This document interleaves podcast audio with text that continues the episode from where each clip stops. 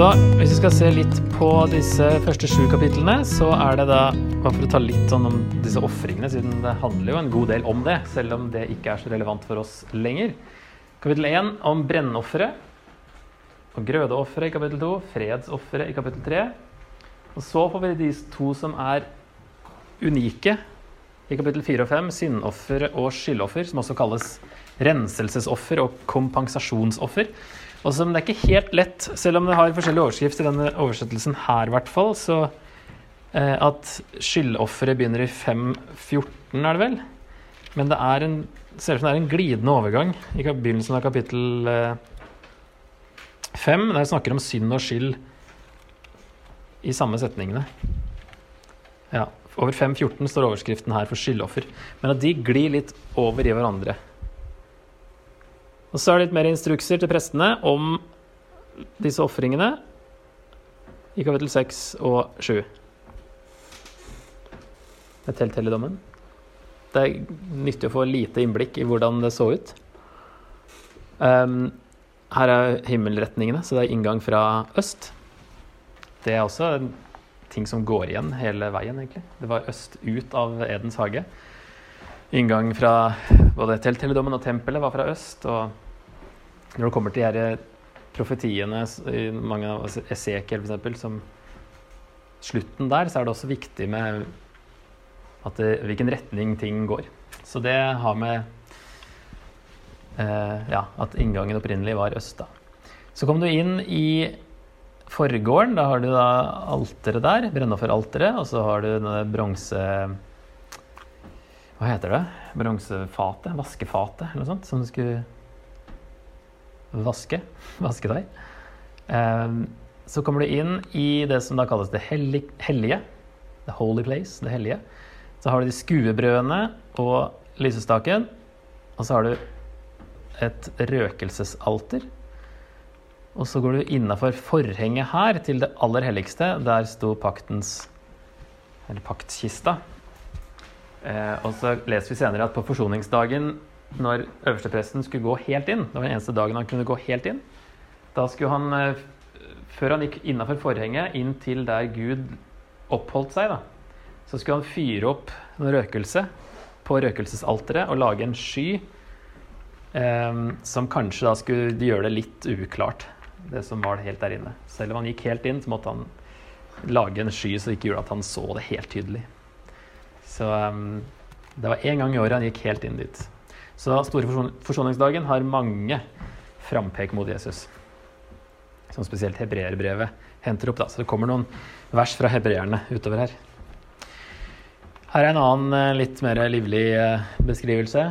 Her har de lagt til noen sånne slaktebord der ute. Jeg vet ikke om jeg har lest noen, noen slaktebord på, i Mosebøkene. Men. Men det så kanskje litt sånn ut. Og når man går da inn, så er det Her ser det litt bedre, kanskje. Paktkista der inne. Lysestake og skuebrød. Og røkelsesalter. Det var veldig lite der inne, egentlig. Det var ikke så veldig mange ting. Eh, Sparsommelig og med litt sånn Edens hage-symbolikk rundt på veggene, men det var ikke sånn voldsomt. De skulle jo ta det opp og ned hele tida når de gikk rundt der òg, så det var jo greit at det ikke var så veldig mye detaljer og masse ting. Ok, um, jeg tenkte vi skulle se litt på brennofferet, første kapittelet. Så kan dere ta en liten uh, kikk på det før en pause. Jeg kan lese um, første kapittelet, så kan dere få kikke litt på hva slags Hva er det dere ser som uh, momenter her? Herren ropte på Moses og talte til ham fra telthelligdommen. Tal til israelittene og si til dem, når noen hos dere bærer fram et offer for Herren, skal dere ta det fra buskapen, enten av storfeet eller av småfeet. Hvis det er et brennoffer av storfeet, skal han bære fram et hanndyr uten feil. Han skal ofre det foran inngangen til telthelligdommen, så han kan vinne velvilje for Herrens ansikt. Han skal legge hånden på brennofferets hode, så det kan bli tatt imot med velvilje og gjøre soning for ham. Så skal han slakte oksen for Herrens ansikt, og Arons sønner, prestene, skal ofre blodet og stenke det rundt om på alteret ved inngangen til telthelligdommen. Deretter skal han flå brennofferet og dele det opp i stykker. Arons sønner, prestene, skal gjøre opp ild på alteret og legge ved, legge ved på ilden. De skal legge kjøttstykkene, hodet og fettet på veden som er lagt på alterilden. Innvollene og skankene skal vaskes i vann, så skal presten la alt gå opp i røyk på alteret som et brennoffer, et gaveoffer med duft som er behagelig for Herren. Hvis det er et brennoffer av småfeet, av sauene eller geitene, skal han ofre et hanndyr uten feil. Det skal han slakte på nordsiden av alteret for Herrens ansikt, og Arons sønner, prestene, skal stenke blodet rundt om på alteret. Deretter skal han dele det opp i stykker, også hodet og fettet, og presten skal legge alt på veden som er lagt på alterilden. Innvollene og skankene skal vaskes i vann. Så skal presten bære det hele fram og la det gå opp i røyk på alteret som et brennoffer, et gaveoffer med duft som er behagelig for Herren. Hvis brennofferet for Herren er en fugl, skal han bære fram et offer av turtelduene eller dueungene. Presten skal bringe fuglen fram til alteret, vri av hodet og la det gå opp i røyk på alteret. Blodet skal presses ut mot alterveggen. Han skal fjerne kråsen med det som er i den, og kaste den på østsiden av alteret, der den fete offerasken ligger. Så skal han kløyve fuglen med vingene uten å dele den helt. Presten skal la den gå opp i røyk på alteret, på veden over ilden som et brennoffer, et gaveoffer med duft som er behagelig for Herren. De tingene jeg har eh, sett ut her, er eh, med symbol at, det brenner. Det skal være et av eh, ens egne dyr. Det er ikke bare å gå stjele naboen sitt og ofre det. Et av dine egne. Det skal være feilfritt, som du sier. Altså det skal koste litt. Og så er det med å legge hånda på hodet. At det er en slags identifikasjon eller en overføring som gjør at dyret kan sone, på en måte, eller gjøre et eller annet på vegne av deg. Den som ofrer, skal selv slakte, flå og partere dyret. Altså så gjør presten liksom ting, småting innimellom, men det er faktisk den som ofrer, som gjør det meste. Det er liksom ikke bare å levere dyret til presten heller og gå hjem, men det er du sjøl som gjør det. Og så står det at Gud aksepterer det. Også det her med at du kunne ha turtelduer eller duunger hvis du ikke hadde råd til noe mer. Det er at Gud ser til hjertet og ikke til selve offeret. Det ser vi jo mange vers egentlig utover i Gammeltestamentet der Gud eh, refser dem for å drive med ofringer uten å ha hjerte i det. At det er ikke det Gud vil ha, sier han. Det er jo ikke ofringene i seg sjøl jeg vil ha. Det er jo lydighet, og det er hjertet deres. Så det er ikke Det er det Gud ser til, og det kunne han se på en måte i eh, ved at man utførte et sånt offer òg, da. Tenk si litt om syndoffer og skyldoffer da, før vi går litt videre, for det er jo det som uh, skiller seg ut, som sagt. Um, de første tre ofringene, brennoffer, og grødoffer og fredsoffer, sies det ikke spesifikt når det skal ofres. Det er sånn som kunne ofres i mange forskjellige um, situasjoner og grunner. Men det spesifiseres uh, hvilke synder det her er synd og skyld, da, hvis vi ser det som én ting, for det kan være litt vanskelig å, å skille dem, som sagt men det spesifiserer når det skal ofres. Som sagt er de unike for Mosloven, og ordet tilgivelse nevnes bare om disse to ofrene, som da knyttes til synd og skyld. Så tilgivelse handler de her om, og det handler om spesifikke synder og hva slags skyld man da kan eh, få over seg av forskjellige grunner. Um, og så syns det er interessant å trekke noen linker til Nytestamentet her. Da. At uh, Jesus blir oppfyllelsen av syndofferet. Det, det ordet bruker Paulus i Romerne 8,3.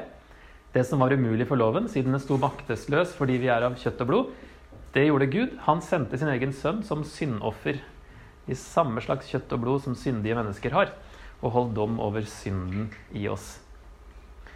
Og så brukes også skyldofferet eh, i Jesaja 53 vers 10. Det var Herrens vilje å knuse ham med sykdom. Når hans liv er gitt som skyldoffer, skal han, skal han se etterkommere og leve lenge.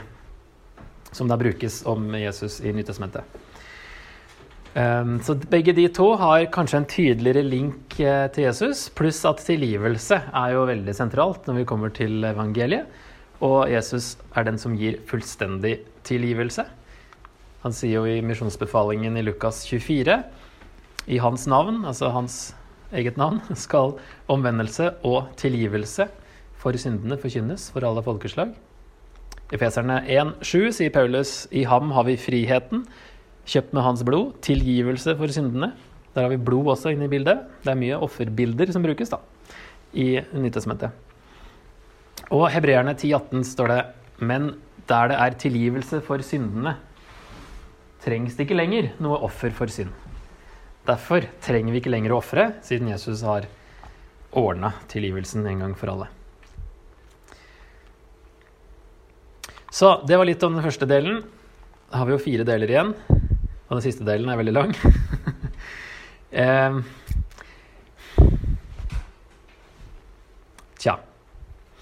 Eh, ta den vanskelige her da med Nadab og Abihu i kapittel 10, som plutselig dør når de ofrer uh, uinnviet ild. Arons sønner, Nadab og Abihu, tok hver sin glopanne, tente ild i den, la røkelse på ilden og bar uinnviet ild framfor Herrens ansikt. Det hadde han ikke befalt dem. Da for det ild ut fra Herren og fortærte dem, og de døde foran Herrens ansikt. Litt sånne historier skjer. Ehm, dette ordet 'uinnviet' på hebraisk det brukes ofte om innvandrerne. Ehm, så mulig at dette var innflytelse fra en utenlandsk religion, noe de hadde plukka opp et annet sted.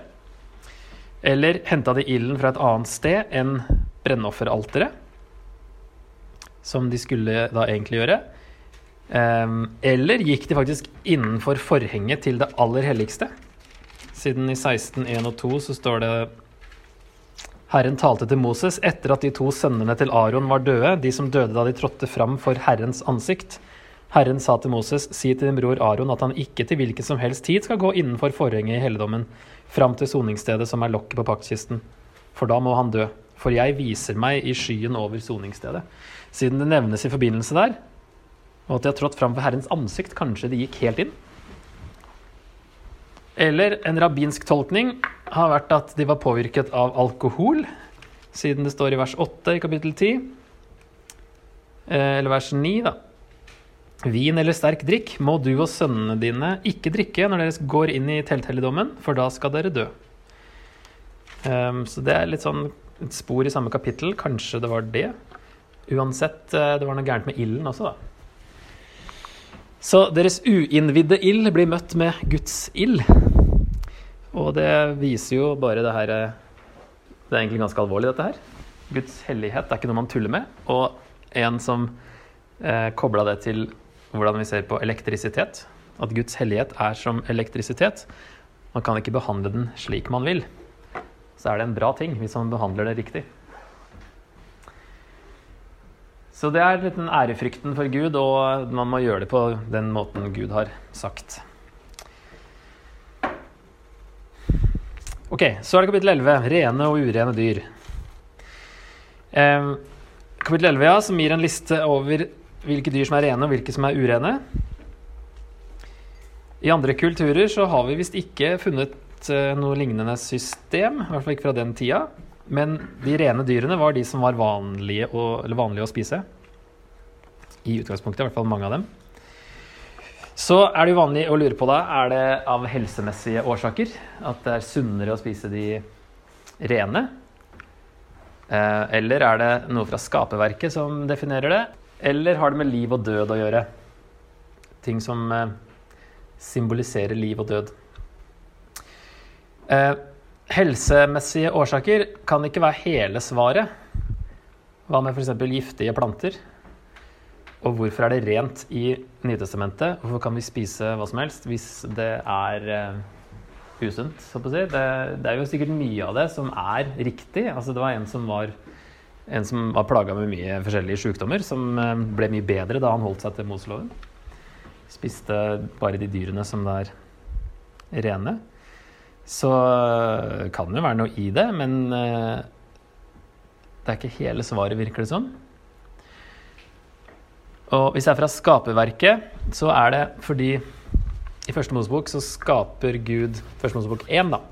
Så skaper han Det er tre områder. Det er land, luft og vann. Og han skaper dyr som hører hjemme i de tre forskjellige. Og så er det de urene dyrene, de som blander to eller muligens tre av disse områdene. Og da er det kanskje Det er ikke noe som har skjedd som gjør at det ikke er godt lenger, men jeg tror kanskje det aller mest er en påminnelse om ikke å blande seg. Det gir mye mening, i hvert fall ut fra at de skulle være hellige, de skal være atskilt, de skal være annerledes. Og så får de Må de hele tida tenke sånn her hellig og uh, urent og rent. Altså hellig og ikke hellig. Urent og rent. Og se på noen eksempler etterpå at noen av de rare lovene også kanskje er bare en sånn påminnelse om å ikke blande, ikke blande, ikke blande. Vær adskilt. Og da blir rene dyr de som ikke blander to, altså land, vann og luft, da, og lever liksom i to forskjellige. Mange av de urene fuglene er vel fugler som òg eh, dykker og svømmer i vannet. Det er liksom ikke helt fuglelignende. altså Det er ikke sånn typisk fugler som flyr, men som plutselig holder på i vannet. og det er, ok, da, De blander, og da kalles de urene. Da er det jo ikke egentlig noe urent, det er bare at Gud gir dem de kategoriene som skal hjelpe dem til å huske at de skal være rene og hellige. Derfor kan man spise pingviner hvis man vil. Nå det er ikke så mange som gjør det, kanskje. Men eh, selv om de er fugler som ikke flyr, og som holder på i vannet, ville det vært og sånne som du nevnte, da, eh, kryp på jorda, var det det? De som var motbydelige. De er liksom verken eller. Hvis du tenker på land, vann og luft. De er liksom litt rundt overalt, på en måte, og ikke klart i en sånn kategori. Ehm, det er ikke, fall, det er ikke eh, landdyr, fisk eller fugl, i hvert fall. De er noe eget. Så, da, så er det sikkert ikke alltid sunt heller å spise dem. Liv og død, da eh, tenker man at det rene assosieres med liv, helse og helhet og Gud. Mens det urene henger sammen med død og sykdom, så det vil jo forklare en del eh, med det her utfloder og forskjellige ting. Som hvorfor du da er uren fordi du mister noe. Du er ikke hel, på en måte. Du mister blod eller andre ting. Så det er litt sånn, det er ikke helt uh, tydelig hva som er rent og urent. Litt forskjellige Eller det er tydelig hva som er rent og urent, men ikke hvorfor. Og så er det litt forskjellige um, forslag som sikkert har noe for seg, alle disse tre. Det er jo noen flere òg, men jeg syns de her hadde mest for seg. Og da tror jeg det viktigste er at det er en påminnelse om at de er kalt til å være rene og hellige, som sagt, for Gud. Utvalgt blant folkeslagene og annerledes enn dem. På samme måte som han satte dem til side, som da ordet betyr, fra de andre nasjonene, måtte de skille ren fra uren mat.